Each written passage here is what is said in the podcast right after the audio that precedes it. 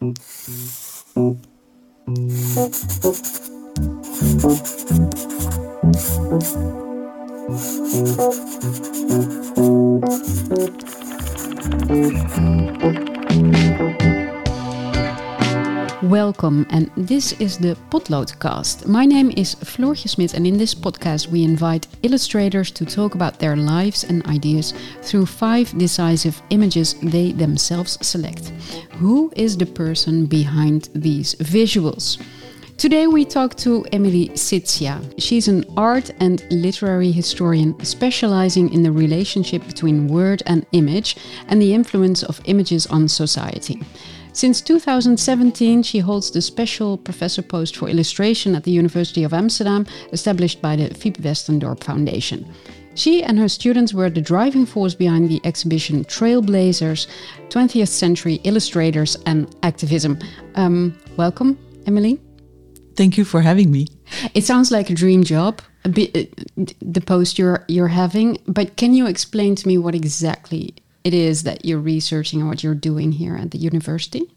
Mm, so um, I teach. Uh, that's one of my main functions. The idea is that I um, I'm going to help students from a broad range of backgrounds, so from book studies, art history, literary studies, media studies, to actually engage with illustration. So we have a course that's running now at the moment uh, that's called Illustration, Artist Books, and Book Art where the students are discovering methodologies to analyze those images, are discovering the context of how those images are made, and also the ecosystem of what the illustration world looks like today. So we meet with curators, illustrators, with uh, conservators, and all kinds of interesting people. So that's one part of my job.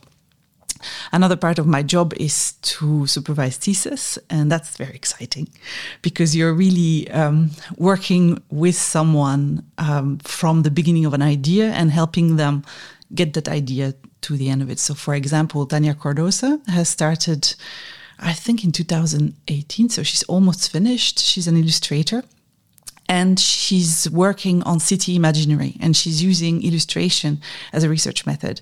And so that's really fascinating to see her start with an idea grow it and really make it into uh, into a thesis and a practice. So that's uh, that's another part of my job. And then the third part of my job is research uh, and research can take many shapes. So now, for example, we've done uh, this research on female illustrators um, that uh, that were connected to activism, and we wanted to show it. So uh, the illustration embassy kindly helped us build build that exhibition with the students uh, uh, involved, etc. So that's but it can really take many forms. So, for example, like I have an article that's just about to come out on um, Odilon Redon, who's a 19th century illustrator, and his illustrations of ghost stories and the way he uses photographs of souls that were, of course, something that people were doing in the 19th century uh, to kind of uh, help him build his illustrations and things like that. So it's quite a quite a varied job. I, I can take it where I want, also, which is quite a nice thing, you know. yeah. Of- and also, it's it's quite interesting because you you have to talk to people about illustrations, and they all have their own way of viewing them. So, do they ever surprise you? Do they constantly? That I think, for for example, in that course on illustration, they learn more from each other than they do from me because all of a sudden, if you put together an art historian and a literary uh, historian together with a communication specialist and a book studies person. They all come to the book, they all come to the illustration with completely different set of uh, a prioris, set uh, of theories that they've been looking at, materials they've been looking at. So they, they, they, we spend usually our first class trying to agree on a definition of illustration, which is a lot of fun. So it's which is so basic, and still it's, it's yeah, yeah, not that basic. I promise you, it keeps us busy for you know a good two hours. So. Yeah, I've read on your website that you were a bookworm when you when you grew up. Did you did you uh, were you a picture people person or were you a text person? I was both. I mm. like books with pictures. I like the way they work together. So I'm uh, uh, that, and that's a little bit what also dri- drove my uh, education. I did both art history and literature uh, in, in, in university. I did my uh, my uh, PhD on both, And then I kept trying really to always work in between those two fields. I think that that's for me what makes it interesting the way text and image dialogue and the way they, they um, make each other. Uh, stronger. Yes, stronger, but not just. Sometimes they argue, and I like that. You know that there is this kind of um, buoyancy between the between the two. So there's always a dialogue. Yeah, mm. yeah, yeah, yeah. How do you become a, bo- a bookworm? Why? I don't think you. Well, there's just lots of books at home, and you're a bit bored. You know, it was before computers, so we we could get bored. Uh, so no, but it, it, uh, I, there was lots of books at home. That's just how it was. And I also loved the library, and I always had this really nice relationship with librarians somehow, because you know you're the person that keeps coming back. So mm-hmm. you know, mm-hmm. that's that's what happens. But uh, yeah, no, uh, and my kid is a bookworm, so I think you know maybe it's genetic. Actually, maybe I don't know. so your parents were also bookworms. They were, yes, but they didn't like pictures at oh, all. they didn't. So at home, actually, we didn't have many books with pictures. It's at the library that there were books with pictures. Did they have pictures on the walls? They had pictures on the walls, but for them, the fine arts was one thing and the books was another. And, you know, the books you needed to focus on the story. Huh. What did they do? What kind of environment did you grow up in? Oh, that's my dad is a bit of a French entrepreneur, uh, so he did everything from uh, you know uh, raising snails in the basement to uh, technology, computers when they were still something new to. Uh, um, having a firm that was taking care of beauty products, very, really, you know, serial entrepreneur, like you know, mm -hmm. like quite typical of that period, men's occupation. And my mom, uh, she's she had a, a, taste for fine art. She she actually studied fine arts, but she uh, then moved on to anthropology and kind of worked more towards anthropology. And then she never was quite in the university as a researcher, but she was always around researchers. So she was always in those kind of positions where you're in contact with research and with what uh, what happened there. So yeah, lots of books, but I think it's it's also one of the things that I think makes it very rich as a child is that it was completely eclectic. It could be a book on, you know, I don't know, physics one day, and then the day after there will be, you know, a book of prints from the 16th century, and then there will be a book that's kind of like, yeah, medieval novels. It's it's really like the the the, and I think that that's still what feeds me this kind of eclecticism. I really enjoy that. Uh, uh, yeah. It's like a world full of other worlds. Yes, that's what it is precisely. Yeah. How did your uh, mother learn? Uh, did she teach you how to look at paintings and visuals and? No, but we we drew a lot. So I think that that's also what we did, and we went to the museum a lot. And it was actually there was kind of like attention in the family. On the one side, my dad would always take us to the Maritime Museum to look at boat models, which techniques I, I found really, really, you know, not fun. When I was a mm-hmm. ch- I still have this kind of sm- small trauma that, I, you know, if, if I ever have to go to a, a you never want to see a boat museum. model again. No, and my it's my dad's joke every time I go and see him. She's like, "So shall we go to the Maritime Museum?" so it's like there's this kind of running thing going. And on my mom's side, it was always more um, just going to the museum. And I was very lucky because when we were uh, when when I was about a, a young teenager, we moved to Paris, and museums are free for kids, so you could just go all the time anywhere and so at some point uh, with a friend, we would just go to the museum on Thursday evenings because it was the Louvre was open on Thursday evenings, and we would just hang out and draw, and, and there was nobody there, and, and, so so you you kind of start having a, a, sense of ownership of of collections, of museums, of things like that. So still, a lot of kids don't go to a museum even even if it's free. Yeah, I don't know because they, I think it's also there is this assumption that uh, I was actually dis- discussing that with Perry Nodelman, who's an expert in children's literature, not long ago. He's been doing a research which is super interesting, and I'm looking forward to his book coming out, where he's been studying all the books about children in museum. So mm-hmm. children books, you know, where that put children in the museum. And the narrative always goes the child was bored, and then, you know, a character came out of the painting, or the went into the painting.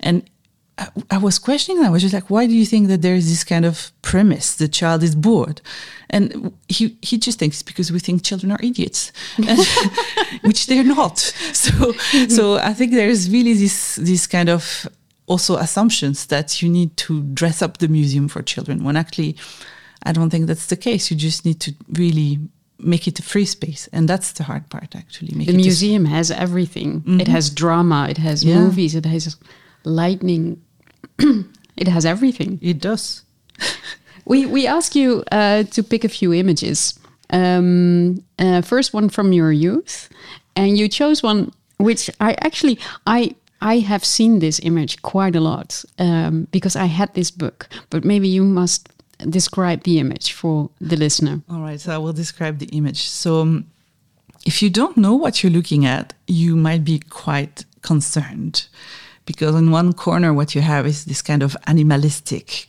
ogre with a giant knife that's really taking like a good, you know, the diagonal of the of the of the composition, and then you have five little girls that are asleep in a bed with leftovers from chicken, and that are just about to have their throat slit. Mm-hmm. So, and it's actually a, a, classical tale. It's Tom Thumb, but most people don't recognize Tom Thumb when they see that image. They no. just go like, "What are you showing my children?" Um, Tom Thumb is not in the image. No, at all. but I think um, so. I, I, came across that book in a library, actually, uh, old reproduction, you know, and and I was stunned because I was going for the fairy tales, right? So and that I had first I had no idea what this image was. I had to reread the tale to figure out what is going on here, and then I really had a feeling that the image gave me a secret. It kind of told me something that I hadn't known before. And for me, that was an important step to kind of start looking at images as something that opens up, that gives you more uh, than what uh, than what you you're reading, if you want. What was the secret that it gave you? The, in, the inherent violence of fairy tales, I think, is one, yes. but also this kind of, um, I don't know. I think that there's something about um, what is implied in the text or and that is not explicitly said somehow i think that there was something about the emotions that were um, that were not necessarily yeah explicit in the text that all of a sudden became so striking looking at these images yeah then you're scared of the ogre then it's not just an ogre mm-hmm. it's a very interesting image because you have these five little girls who are chubby and and nice and sweet soft but also they're holding bones. It has something scary as well. Yeah, the violence of the children is right there already. Also. Right. Yeah, yeah. Um, because it's his children. Mm-hmm. It's the ogre killing his own chil- his yeah. own daughters by accident. Yeah, thinking he's actually killing Tom Thumb and his brothers. Yeah. It, it, like you said, it's it shows the gruesomeness of, of fairy tales. Fairy tales are always very gruesome. They are. but a lot of the times the illustrations don't um, show that again, I think there's something about taking children for idiots. Um, sorry, this is becoming a pattern now. This was not really what I was going for, but no, but there is there is something about. Uh, I think as adults, there's something that we think is suitable for children, and when you actually ask children, they love this. They I think know. that that's that's great. That they actually get to see something that that's meaningful. Uh, and I think it you you see it in their drawings also in the way they approach the visual world also that they are you know I, I, don't think you ever see a child draw without explosions coming at some point or you know bits and pieces or whatever it is that's uh, that's happening in their head. So I think it's quite a uh, yeah quite an important part of developing your uh, your relationship with the world also yeah. for me it was a reason to to pick up this book like mm. for example, I always I had this illustrated children Bible as well, and I always I was always looking for beheading people and stuff like that. I wasn't I wasn't looking for the birth of Christ in, in the pictures. Yeah. I thought those were boring. Yeah, I, I completely completely said, and I think that that's one of the genius of Doré, right? It's it's this capacity to to choose in the fairy tale the moment that's actually. Um,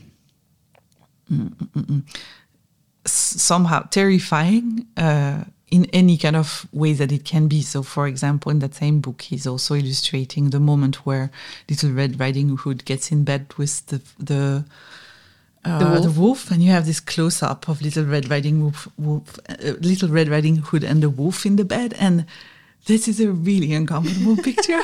This is really not something that you know, as an adult, you can really look at and just be okay with. So I think that there is something quite interesting there. Yeah. Is it? Um, he's French, and you compared a lot of uh, fairy tale images, um, also from all over the world.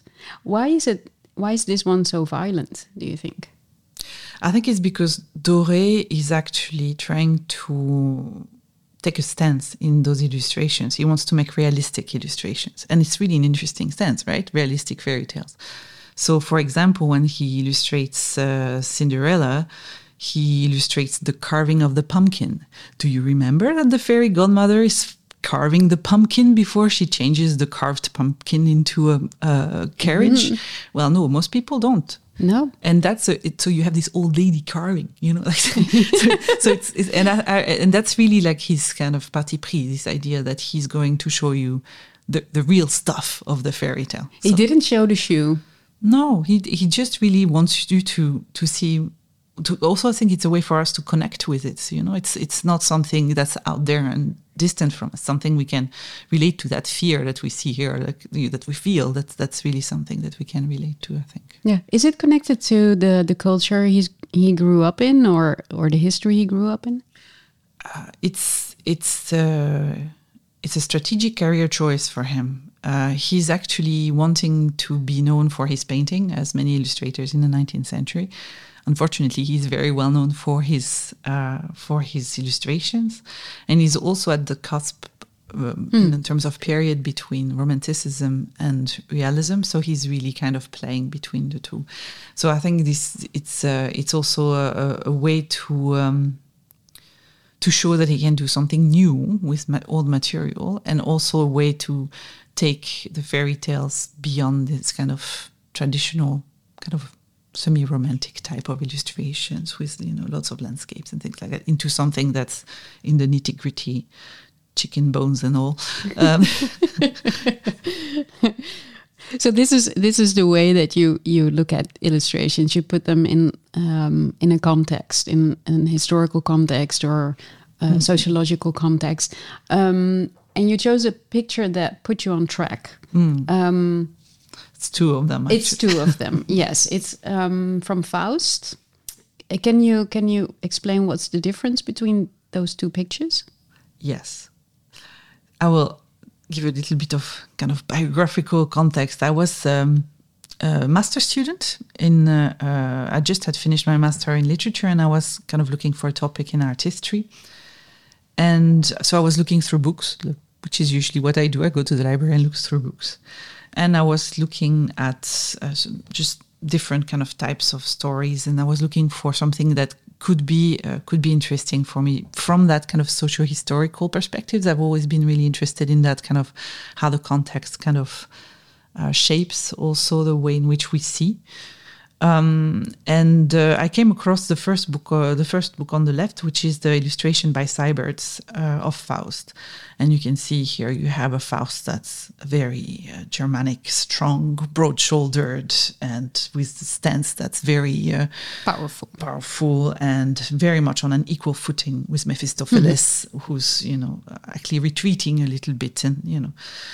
And that is not how I remember that scene. So I was again, you know, kind of going back to the text and going, that's that's kind of weird, because what I remembered was the French type of illustration where you have this kind of Faust, uh, like you see it here, like by Johannot, represented as this kind of like skinny, tortured, emotional character that's you know um, not quite sure what to do with his life and is kind of manipulating all powerful Mephistopheles. So that was a that was a really interesting thing for me. And at the time, I went to Germany actually to to uh, study uh, for a year. And the idea was for my master's thesis to take those two kind of this clash of the two images and try to explain it, try to understand why uh, the, the, those two contexts led to completely different interpretation of the same play. So that was really something that uh, that was interesting to me to see how in Germany, which was at the time, you know, being built, uh, it, it was uh, politically, it was a moment where Germany was kind of looking for um, for uni um, unifying kind of uh, cultures. So Faust was one of those, and it became a national myth in Germany, and that's very much how it's illustrated as this kind of you know very much um, looking at uh, Germanic. Um, architecture, culture, costumes, decorative elements. And on the other hand, in France at that time, it was a romantic hero. It was the, the height of romanticism in France. That's completely how it was received. It's how it, it is translated also, and so it it really changed uh, the the way then. Uh, those um, those Fausts were represented. So I really liked, on the one hand, that each of the artists had a very personal interpretation of Faust, but also how they created those illustrations for a certain public, for with with in mind the reception that they would get from uh, for, for for those uh, for those images. Hmm. Sense? It does make sense, but I'm I'm wondering what what is the chicken and what is the egg in this? you should look it, for which one is first. no, yeah, but if if if um, if Germans look at Faust differently because of the illustrations and the text they had, or that they already had a different view on Faust? I think it's it's uh, it goes both ways completely. I don't think you can pinpoint a precise moment because I mean Goethe didn't want the Faust illustrated to start with, so bad luck because it's one of the most illustrated stories. So, but I think that that's that that there is uh, I think the the way in which they illustrate responds to a public, but the public definitely uh, integrates that uh, the illustrations. I mean, the same way that, for example, today when we think about fairy tales, we think about Disney, right? So if you, if I'm telling you, to, talking to you about Cinderella's fairy, the first thing that comes to your mind is a very pretty fairy with like the blue stuff and the wand and all that. And the dress. In the dress, because that's that's what we've, you know. If I show you Doré's old lady carving the pumpkin, you will not recognize her, right? So there is this this. Um, uh, this strength of interpretation of uh, of illustration. I always say that the illustrator is the first text interpreter because because the image is side by side with the text. It is an extremely powerful interpretation because it orientates the way people read the text or not actually. But that's that's really interesting because it's um, it shows how powerful illustrations are. While when we look at a picture book, it's usually a book with pictures and not, you know, they they influence us way more than maybe a lot of people feel. I don't know. I think they, I think people are aware of it. I do think so, uh, and actually, children are definitely aware of it because that's, and also, the first port of call when you're reading a book with a child, for example, a picture book. It's actually they're not listening to the story; they're looking at the images. Mm-hmm. That's what they're doing while you're reading. So it's it's their uh, yeah, it's their first um, entry point in the storytelling, in the in the narrative, is actually the image. So we always think of the text first and the image then, but that's actually not the, how we process them because the image is synchronic, so you get all of the image at once, whereas the text is diachronic, so you get it mm-hmm. gradually by bits. So it's kind of something that's cumulative. So you so I think it's I think it's um, leftovers from. Uh, a, time where people thought that the text should be a, a priority over the image, but uh, because it's more important. Exactly. Yeah, but what it culture. but what it also shows is that um, it puts ideas in your head. It's not just the picture. It's it it has ideas about what is a hero and and who is the bigger man, for example. Absolutely. Um, so that's that's what I mean with it. They're more important than you might think. It's not just a picture with a text. Yeah, absolutely. I think the the interaction between the image and the text is actually where interpretation for the audience starts. So that's that's where you, for example, there is this really nice children book, and now I'm not going to remember the title. It's about the chicken. Have you read a book about the chicken? I think I've read numerous books about chickens, anyway, I can't remember in, this one. In that book about the chicken, the whole text is just about that chicken that goes for a walk, uh-huh. which is not exactly exciting. But the whole illustration is about that fox that's trying to catch the chicken. And there's no mention of the fox at all in the text. It's all in the images, which means that you, you actually don't get the story unless you have the image and the text. So mm-hmm. you really need both to be able to understand how yeah. it is. And it's it's actually a really efficient text, a uh, really efficient book, because the, um, what happens in the gap between the text and the image is actually where it's really interesting. Yeah, does that make sense? Yeah, yeah, yeah, yeah, It's in your mind. It's not. Yeah, yeah. It's not really the picture. It's not really the text, but it it's, in between. in between. Yeah. Um, is it? Does it still work like like this? Um, because um, we are so connected the world right now. Um, do you get more of the same images? Does the context uh, gets less important? I think it's different kinds of contexts, but I think they are still there. And I think that that's, uh, we're discussing that with one of my PhD uh, uh, not long ago, we were discussing the fact that what we used to do like this, for example, to have the Germans and the French, the, mm-hmm. both cultures were quite, they're not insular, they're connected, but they're still kind of distinct, right? Whereas now, you know, nationality doesn't mean that much. So I think it's more about the groups you belong to, you know, and I think that, you know, you have those kind of also uh, groups of fandoms that are created around specific kind of types of image, types of culture, types of you know even podcasts. Uh, so it, I think it's really the way people group, and I think that doesn't change. That's then from for a historian, it's just a lot harder to do your job because you need to first identify the group that you're interested in, and then kind of work through the mm-hmm. codes mm. that they're using and through the the uh, yeah, the message that they're passing through. Yeah. Does it make sense? Yeah, it does. You you lived in a lot of places. You you lived in France. Um, you lived in Finland, New Zealand, um, the Netherlands, Netherlands. Germany. Is, does that help uh, to see it from a different perspective? To get more like a, a helicopter view on yeah. culture, for example. Yeah, I think that it's it's been it, it's always really interesting to do those kinds of kind of traveling because you're you end up being the outsider everywhere because by the time you come back home you're the outsider anyway. So and it gives you some um, yeah some distance uh, and also some uh, detachment from uh, from maybe nationalistic ownerships or things like that. Like uh, when i was in uh, in new zealand uh, i was teaching european art not french art because European art was, you know, a coherent thing. When you come back here and you talk about European art in Brussels, well, uh, it's not so coherent and easy. So there is this kind of really interesting kind of uh, thing going. And I remember having a very big argument with the librarian because at the time we had slides, mm-hmm. libraries of slides um, because I thought Vincent van Gogh should be under France, and she said no, it has to be under the Netherlands, and and her answer was many generations of art historians have managed before you. I'm sure you will. so, so that was it.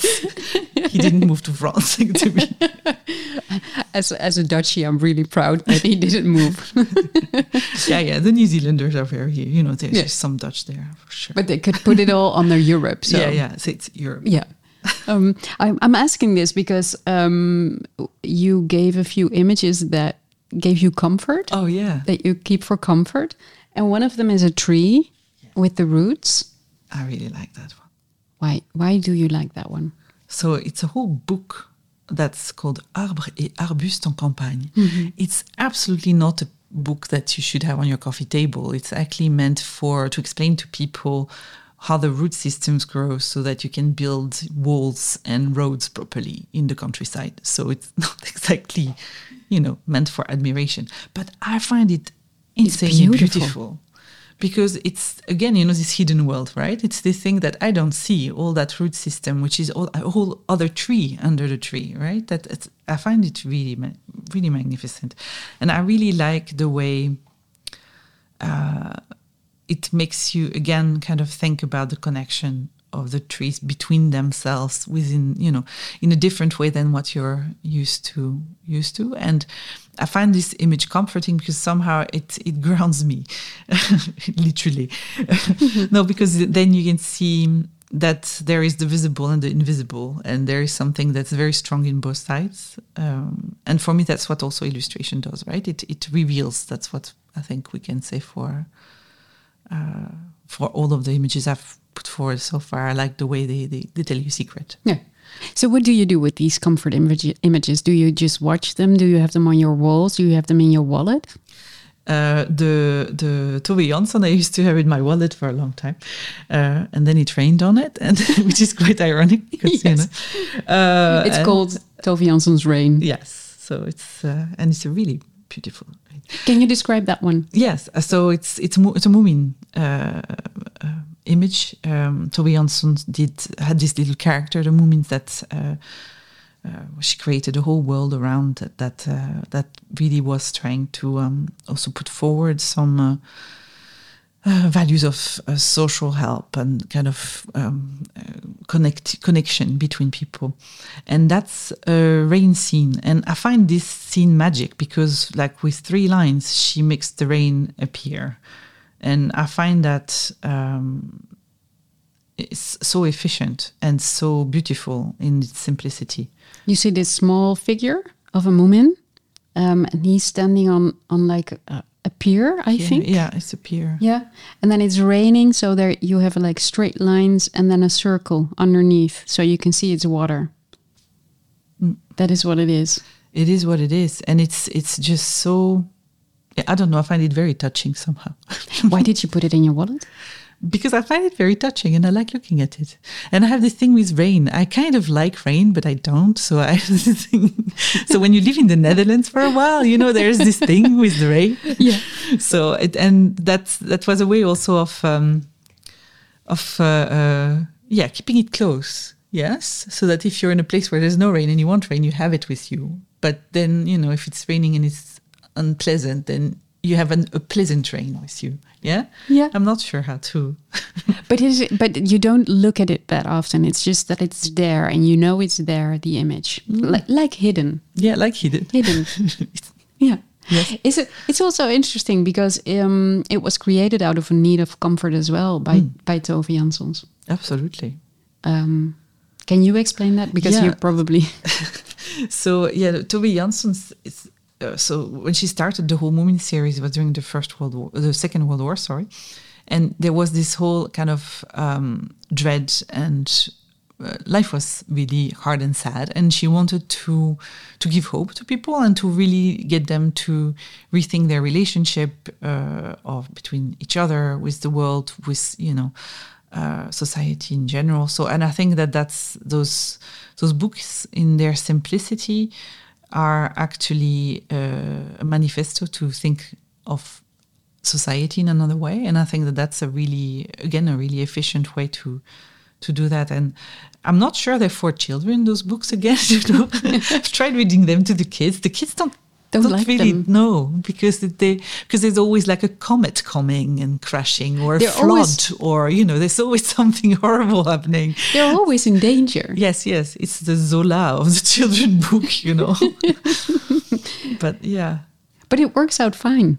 Yeah it usually it always works out fine. And it always works out that they're stronger as a community. That's also the interesting part i think with Tove Jansson but i think she's um, she has this this ability to to make you stop on an image and um, contemplate also the the quality of the image. It's again very always that's the way she works, really with simple lines and a lot of black and white works, and I find them really uh, yeah really touching in the way they're uh, managing to evoke so much in such uh, um, uh, a minimum amount of uh, means. Mm -hmm. Yeah. If you're talking about a black and white and children book illustrations, you're you're really fast at uh, Fiep. yes. um, That's obviously what I like about Fiep so this efficiency. And what I particularly like about Fiep is the, the um, that she leaves the image open enough for children to project themselves in the those characters. Um, for example, I don't know if you've noticed, but uh, I don't think there's a single image where you see the mother and father. You sometimes see their trousers, but you never see them. Mm-hmm. It's it's also a way to first recenter on the children, but also a way to universalize the characters. That they become something that you can relate to because they they have the same mom and dad as you do because you don't see them. So that's so I, I really think that there is something quite uh, quite uh, interesting in that type of illustration that in uh, that Fiep Westendorp does. They're also they're always in their own world, um, and it's a very comfort comfortable world as well. Mm -hmm.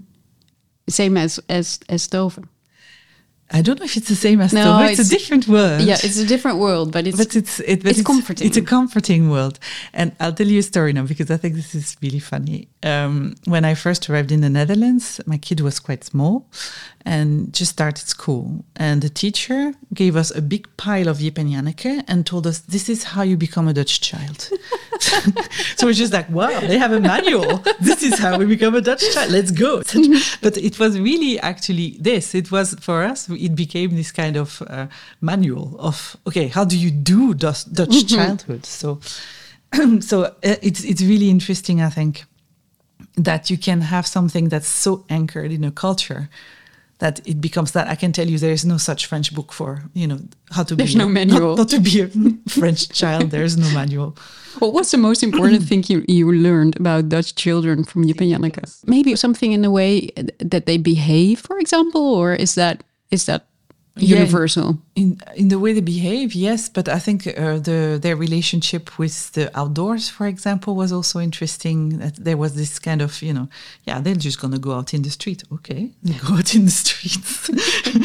So there was this i think there was still some codes that you know we didn't necessarily have when we arrived. So it was it was really it became you know a reference uh, for at least for my kid it was the absolute reference. That you know we, we needed to do Janneke stuff so it's the the interesting thing is it's so very different from the the fairy tale uh, picture you chose in the beginning. You have this this shock and awe image earlier on, and this is really comforting. Um, how is it? Is it one of the uh, functions of illustration as well to be to be comforting? I think uh, illustration creates emotional landscape for us right? So and it can be you know you don't want to be in a cozy cocoon all the time nor do you want to be odd all the time. And i think that that's also yeah what illustration does is to create those different um, states landscapes uh, situations we can project ourselves in. I think that that's um, that that's that's one of the strength of illustration to uh, to to be able to move us. Mm-hmm. You you also gave us two illustrations that made you think. Oh yeah, I did. You're thinking about it right now. Yeah, I'm still thinking about this. Um, from Julie Delporte. Mm -hmm. I, I don't know her work that well. Not many people know her. She's actually Canadian. And I, I had no idea who she was. But I, I got really intrigued by the title because it doesn't really mean anything in French. What does it mean? That's the thing, it doesn't. And what it refers to actually is you have that, to name the title oh, and, and, translate so it. So the, the, the, title is Moi aussi je voulais l'emporter. So me too, I wanted to take it or take it along, and it's it's it's it's it's a weird title, right? But in French we have this um, grammatical rule mm-hmm. that mm -hmm. the masculine le masculin l'emporte sur le féminin. So the masculine always takes over the feminine, which means that if you have a hundred singers that are women and one singer that are men, then it all goes masculine. And it's a grammatical rule. It's not something that's kind of, you know, but she actually turned it into um, a way of exploring what it means to be a woman illustrator in uh, in today's world or a woman in today's world. And it's it's quite it was quite interesting for me because I think she actually put words and images on things that have annoyed me for so long. And for me, it was really finding, like finding a friend, you know, when you kind of sit down and all of a sudden you find a new friend and you kind of go like, oh, yes, yes, I completely get this. And it, it's a bit like that. And it's, uh, it's, so it was for me a, a book that, uh, started my thinking about uh, women illustrators, about the importance of women voices in illustration, actually, about uh, the importance of uh, visibility and saying things explicitly uh, to to change uh, the what we don't like. So, and I think that that was for me very, uh, and it's really interesting because that book originally, when she started it, was normally to be uh, um, kind of a documentary about Tove Jansson. So you see that there is this kind of generational thing, generational pull between between uh, uh, between women that I find also interesting. This kind of uh, um, following through. When she thinks about Tove Jansson, for example, in her sixties, painting in Paris, she's just like, "Well, that's what I want to do. I want to be 16 in Paris painting," and it, it feels impossible for her. So it's it's a really this interesting kind of because she wants to have a baby, and there's all this kind of but she doesn't know if she wants to have the baby or if it's just this thing that she's supposed to do. So there was this this whole kind of discussions there, and I really really thought it was interesting for me to to to really consider what does it mean to have a, a woman's voice in contemporary illustration, a loud woman's voice in contemporary illustration, because she's not doing this discreetly. She's really something that you know she's loud, and mm-hmm. I'm I'm happy with that. I think it's very important thing to think about. So for me, it also uh, uh, it was a trigger uh, for uh, partly the project, the Trailblazers project, uh, to also look for uh, those women that have something to say and that want to say it loudly, and that are that are using illustration as a tool to convey to the greater number. So that was the. You see, it makes me think a lot you have yeah. hard time no it's really it's, it's, really interesting uh, the, the, thing i think about is that since they are illustrators um, they look at the world in a in a different way as well like for example the way your body moves moves through a world is something they consider i think more prior than i did and i got a lot of um, thinking about stuff like that as well through illustration.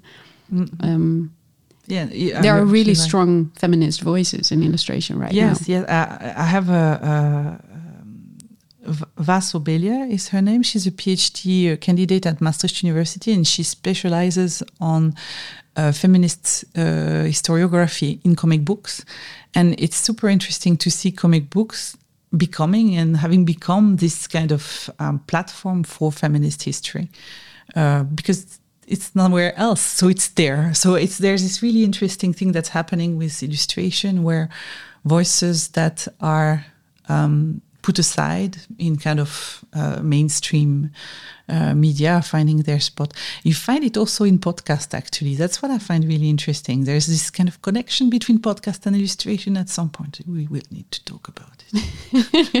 well, it's also, it, it has topics that uh, were usually considered as not that interesting, mm-hmm. like motherhood or, you know, Cho- choosing if if you would like to have a child or not or uh, those are all topics that people say well that's just women topics we don't care yeah but that's that's actually a real danger to have those kinds of statements that we don't care because actually if we stop caring then let's stop having children right? Let's see how humanity yeah. goes. Uh, but you know what i mean? Like there is this this real danger to just uh, also uh, lose track of what is actually happening because once the mainstream discourse kind of takes over, you're really not having any more uh, space for nuance. And I think that that's also what illustration is really good at, is to give you nuances and to make you think like, oh wait, this is not exactly how I understood this. So how is your reality? You know, like so it it, it really helps um, creating empathy also, I think. In the Trailblazer exhibition, um, uh, they're all women. Um, completely by chance. You're lying. How many exhibitions have you seen where there's men, and when men are asked where there's only men in the exhibition, they just oh, completely by chance. We just took the best, so that's what we did. Yeah, but it's but it's also quite interesting because they're all voices that have been um, um, they got lost in in the conversation, and they're all they're quite old. Some of them I mean, yeah, we, we took actually, we chose a generation. We wanted to take a generation of women that uh, was all born around the 1915, the, around the, the First World War, and that had this kind of whole century ahead of them. That's what we were kind of looking at. Also, because there's so many very deep social changes, you have several waves of feminism happening. So we thought there's something really interesting in looking at that generation. So that's why they're old. It's because it's those one. Also because theoretically, they should be super established, right? So that should be the ones we have no problem researching and that we can find the copyrights for without problem. Well, the answer is no mm-hmm. to both those questions. There's actually, it was a, a, lot of work of research and very complicated uh, copyright kind of uh, um, tracing because what what we dis- discovered is that because they're women artists, very often their collections are split between different private collectors or different kind of institutions that don't necessarily value them also, so they don't necessarily even answer to the email mm-hmm. or to the call. Um, and when they are, there's not always clarity on who actually owns the copyright of uh, of the works. So it's it's such a change that, for example, I can guarantee you that if you work on any 19th century male artist, you will always find the copyright holders. Really, that's yes, so much yes, more it's, easy. It's much easier, much huh. easier, and, and for especially for like if you think like uh, Matisse or Picasso, I will have no problem finding the copyright holder, right? Hmm. So for those women artists, it was really complicated we're still, you know, debating on some of them. Well, the, the ones from Europe are, I assume, a little bit easier than the one outside of Europe. Yes, definitely. But it's mostly because we, I think we have the language, right? So, and we have the codes. So, even though we're not sure where to go, we still kind of know, and it's more tra- tracked also. Uh, I think, yeah, Western European women tend to be still visible. I mean, you know, uh, you've seen people on stalking. Uh, it's less likely that you've seen uh, the work of a Korean artist, for example. Mm-hmm. You know, like there is something that's uh, still more familiar, uh, which makes it a little bit easier to track. But yeah, in the end, uh, still not good enough. Mm-hmm. You chose one of uh, Judith Kerr's um, uh, images as well as one of the images that make you think. Mm-hmm. Um, it's from the book When Hitler Stole My Pink Rabbit. Yes. So Judith Kerr is super famous for The Tiger Who Came to Tea. That's the book everybody knows, which is this strange story of a tiger that just crashes the party and comes to tea. Um, but she also wrote uh, a trilogy that actually retraces her childhood. She was born in Berlin and she had to uh, leave Berlin when she was nine because her father was uh, uh a vocal anti-Nazi and so they ran away. So she really has the she has the childhood of a refugee child, and I find this image really interesting because it's an image that was made in the 1970s. So it's another completely different wave of refugees that's happening at that period, and she she made those images because they are relevant, right? Because she could see the link between her childhood as a refugee child and what was happening in the 70s. And when I look at those images today, of course, I find them relevant. I mean, we all have those scenes in the uh, train station in Brussels, you know, after the the beginning of the Ukraine war. So you you really have, uh, or you know, Syrian refugee children. You have this kind of, you really have this. Um, uh, quality to the image that makes you uh, care for uh, for the, that refugee child, that displaced child. In a way, I think that's uh, that's that's very efficient. That really puts the child in the center, uh, and also. Um, it's a it's a black and white image. It's not colorful like the tiger who came to tea. Um, and it's a really powerful, but it's not a scary image. It's no. not um, why do you think it, it it's so striking? I think I find it personally, at least, I find it compelling because I think it manages to capture the tension in the state of the uh, refugee child, right? A refugee child is a child that's outside of a war zone or that's being taken outside of a war zone. So there's a promise of safety, but it's not safe yet. So there is this kind of in betweenness that I think she really captures really well in the image. It is. They're all um, activists in a way, the the trailblazers, but some of them are really vocal, really loudly vocal, like Sue Coe, who draws pictures of um, the, the the animal industry. Um, but this one is is like is like a whisper. I don't think it's a whisper. I think it's something that calls you to your attention, actually, in the same way. I think you can be very vocal loudly or not loudly. And I think both work, right? I think like here she's she's she's gently showing you something that you should have paid attention to earlier. Like she's so there's this kind of um responsibilization also of the viewer. And I love Sue Coe's work because they're they're also compelling, but in a completely different way, right? In Completely. A, actually very much in the Doré kind of approach of things, right? Where you have this kind of uh, using the image to grab you by the gut and show you what you don't want to see. So it's also a different um, strategy. Uh, I think both are efficient, but and I would call them all activists, but I, I wouldn't call it a whisper. It's much more than a whisper there's a serious tongue there that goes with the whisper. It, what what is the most important thing you want people to get out of the the exhibition? Well, I really, if I can, like one of the main goal, uh, and that's also why we worked with students on the on the on the exhibition, is to really get a new generation of art historians interested in women illustrators because I think there is a lack of research on it. As I said, I think those voices are actually really important and unique, and the the quality of the works that are currently being you know not researched is is is actually. Uh, uh, for me, the, the, because the quality of the works is so good, it really it really is a, a, a, lack in the in the in the discipline.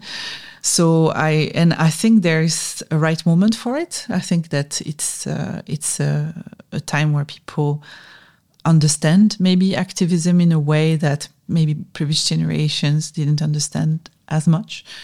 Uh, I think uh, there's an eagerness for other stories to be told and alternative voices to come out. So I think that for me, it's the right moment. It's the it's the right um, method also to just show people look this is just the scraps that's the beginning of what we found there's so much more to be found so i think that that's the uh, that's the way we want to uh, engage um, the audience and yeah Hopefully, they do.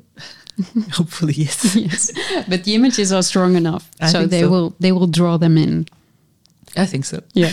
Um, we have the the podcast dummy here. Um, we always ask uh, our guests to leave something in it. Will it be text or will it be an image? I've been thinking about this. I'm not sure. Maybe uh, I'm gonna have to copy someone else's stuff. You maybe. can't copy someone else's stuff. Is it something? Do you do you still need to think about it, or is, is it? Some, no. Are you just going to start and I'm see just going to start. I'm just looking for my tools. which tools are you going to use? Uh, pencil, pencil. Pencil. That's all I master. Okay, thank you, uh, Emilie. Thank and you. at the side of the Illustratie Ambassade, you can see all the images we spoke about, including the um, illustration that you made, illustration um, that you left in our big Potloodcast book.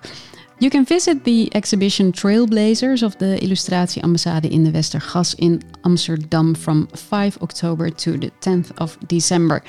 The Potloodcast is an initiative of the Illustratie Ambassade, the platform for illustration, and is made possible by the support of the Fiep Westendorp Foundation, Pictoright, and the Creative Industry Fund. If you like this podcast, please let us know in the podcast app or tell others. Presenter Floortje Smit, editor and curator Marlies Visser, technician Maarten Boers. Subscribe to our newsletter or the podcast, and we will let you know if there are new editions.